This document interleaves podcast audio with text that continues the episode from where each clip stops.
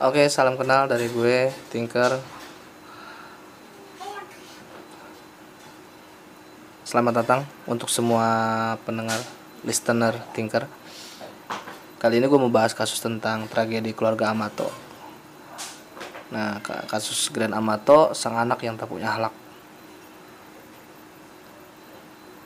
Oke, kali ini gue akan ngangkat kasus-kasus anak durhaka yang berujung pada kasus kriminal ya definisi durhaka kalau di sini bukan lagi soal ngeles kalau disuruh belanja ke warung atau ngilangin tupperware emaknya atau ngilangin apa ambil duit emaknya dari do, e, dompetnya atau dari laci gitu kan.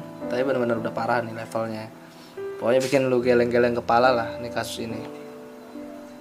Apalagi kasus pertama yang ini gue bahas nih ini udah jadi kayak ada pepatah lama gitu kasih ibu sepanjang masa kasih anak sepanjang galah nah itu yang akan gue bahas di sini. Nah langsung ya gue ceritain. Jadi gini Grand Amato itu cowok pengangguran. Dia dipecat uh, setelah ketahuan menggelapkan obat-obatan terlarang dari rumah sakit tempat dia kerja. Namun setelah itu Grand kembali terlibat masalah setelah ia mulai kecanduan seks online bahkan tega mengeluarkan uang ratusan ribu dolar hanya untuk seorang model binal yang hanya dilihatnya lewat webcam. Kalau sekarang kan banyak tuh kayak kencan online lah segala nonton online ngasih apa ngasih apa kayak gitu kan. Tapi ini lebih parah. Terus celakanya uang yang dia punya itu diambil dari keluarganya sendiri.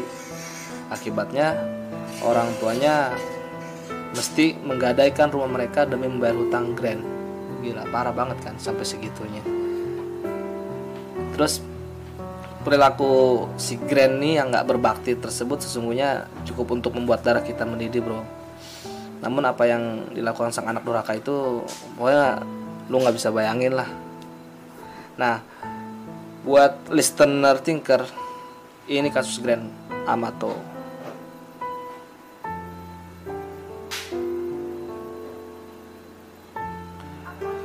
Awalnya, keluarga Amato pada awalnya hidup bahagia di rumah mereka di Culota, Florida. Pasangan Chet dan Margaret Amato memiliki tiga anak. Anak-anaknya mereka tuh Jason, Cody, sama Grant. Jadi gue ulang ya, keluarganya nih, pasangannya Chet sama Margaret, Margaret Amato memiliki tiga anak ini Jason, Cody, dan Grant. Jason, nih anak-anak uh, pertama hidupnya udah mandiri lepas dari pengawasan kedua orang tua mereka. Sementara itu Cody dan Grant masih hidup di rumah kedua orang tua mereka untuk menemani mereka gitu. Chad bekerja di bidang kesehatan si Chad nih yang kedua nih dan hanya menunggu beberapa tahun sebelum akhirnya pensiun dan menikmati masa tua bersama istrinya. Margaret nggak bekerja namun aktif melakoni hobinya yaitu yaitu um, menunggang kuda.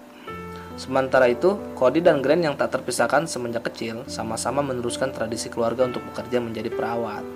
Nah, si Cody sama Grant nih kerjanya sama-sama di rumah sakit lah istilahnya keperawatan.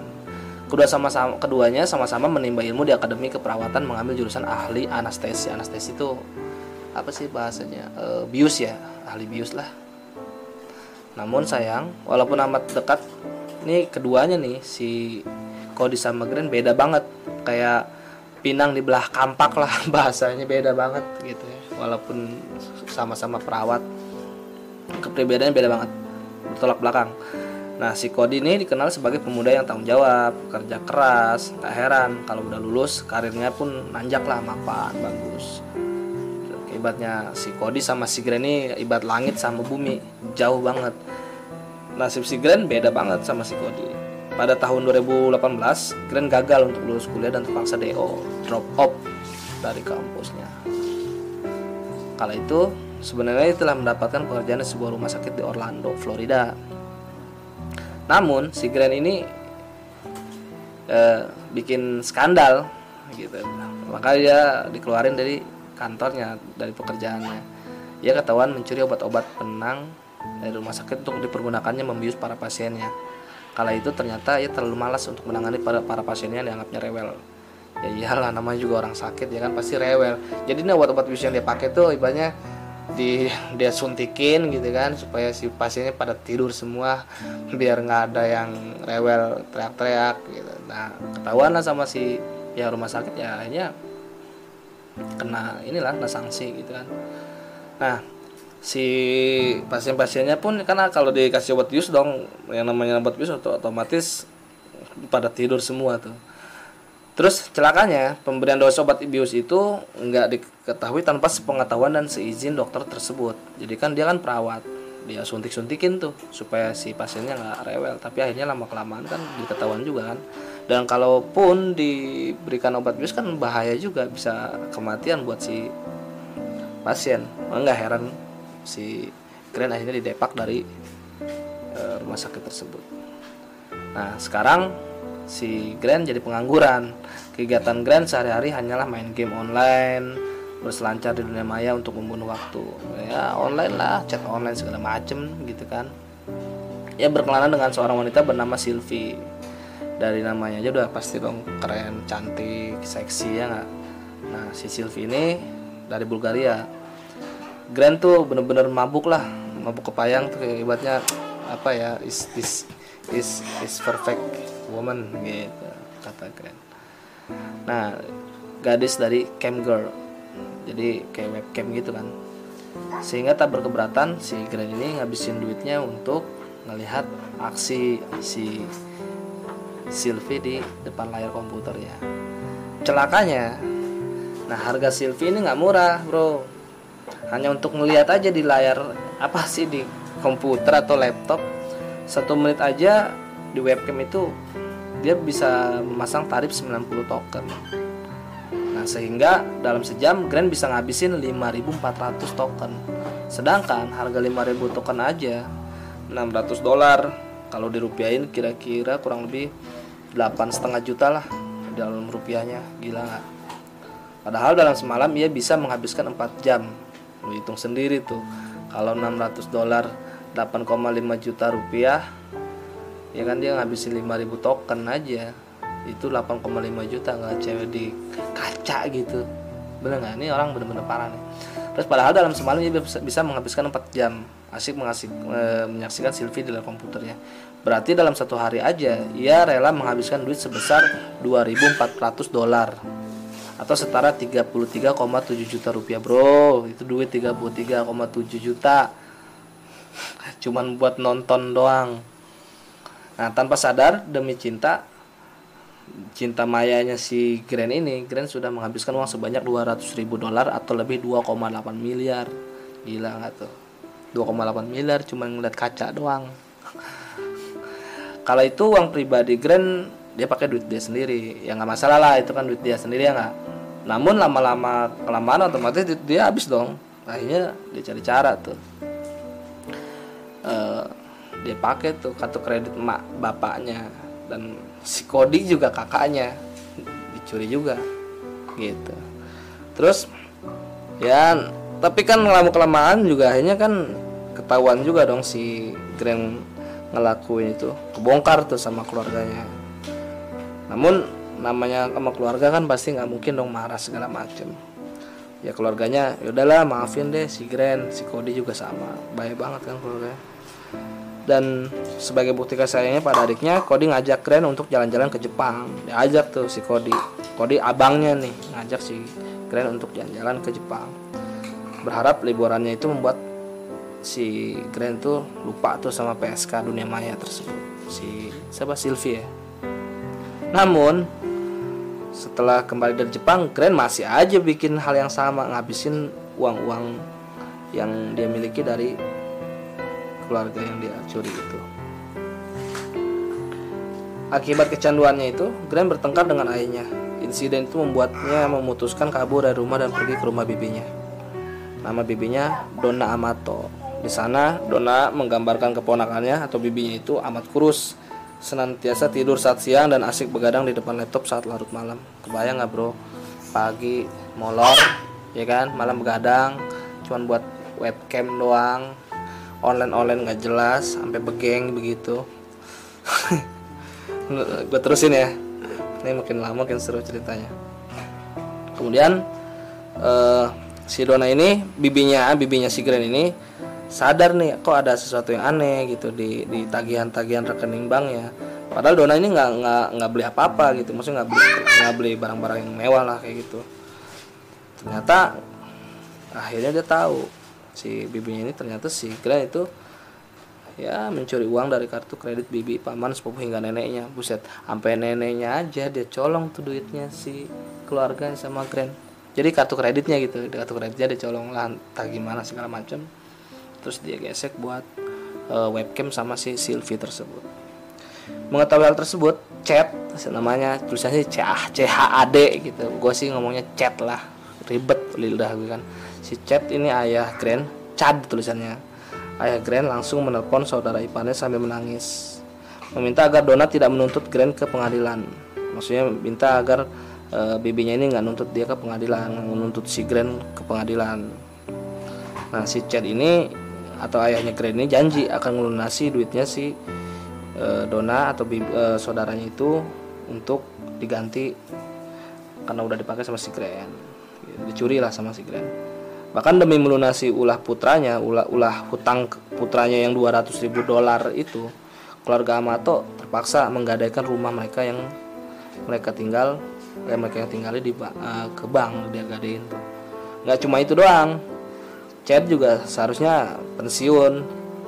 Sekarang malah kerja di dua kerjaan gitu buat ngebayar hutang ke si Dona tersebut gara-gara si amat uh, si Grand Lanjut bro. Keluarga Amato kemudian memaksa Grand untuk masuk ke panti rehabilitas untuk para pecandu seks untuk mengatasi kecanduan tersebut. Kala itu Cody telah menghabiskan 8.000 dolar. Kalau dirupiahin tuh gue hitung nih pakai sempoa kurang lebih 1112 juta rupiah untuk membayar pengacara saat Grand terlibat masalah dengan rumah sakit. 10.000 dolar, 140 juta rupiah untuk liburan mereka ke Jepang dan 15.000 dolar 211 juta untuk biaya panti rehab. Jadi di rehab nih si Grand nih berubah lah. Tapi air susu dibalas dengan air tuba walaupun menghabiskan biaya yang tak sedikit. Grand malah kabur sebelum menyelesaikan rehabnya dan tentu saja kembali berhubungan dengan Sylvie si wanita webcam tersebut. Terus hal ini tentu saja membuat marah Chad ayah Grand bukan kepalang. Wow marah lah, gila siapa orang tua yang nggak marah kalau anaknya begitu? Kalau gue sih punya anak gue itu gue sniper. Terus akibatnya ia lalu mengusir anak bungsunya itu ke Greg kemudian mengemasi barang-barangnya dan pergi untuk selamanya. Ceritanya begitu. Greg ngambek ya kan? PA aja gitu si Greg nggak ngambek pada 25 Januari, seorang polisi mengetuk pintu rumah keluarga Amato. Kala itu polisi mendapatkan laporan dari kantor tempat Kodi yang kala itu khawatir karena ia termasuk kerja tanpa kabar apa pun. Gitu. Polisi mendobrak rumah tersebut dan terkejut bukan kepalang ketika menemukan rumah itu telah bersimbah darah. Rumahnya si Amato itu bersimbah darah. Nah, di situ ditemukan jenazah Kodi ditemukan tergeletak di garasi masih mengenakan seragam perawatnya. Ayahnya Chad juga ditemukan meninggal di ruang tamu.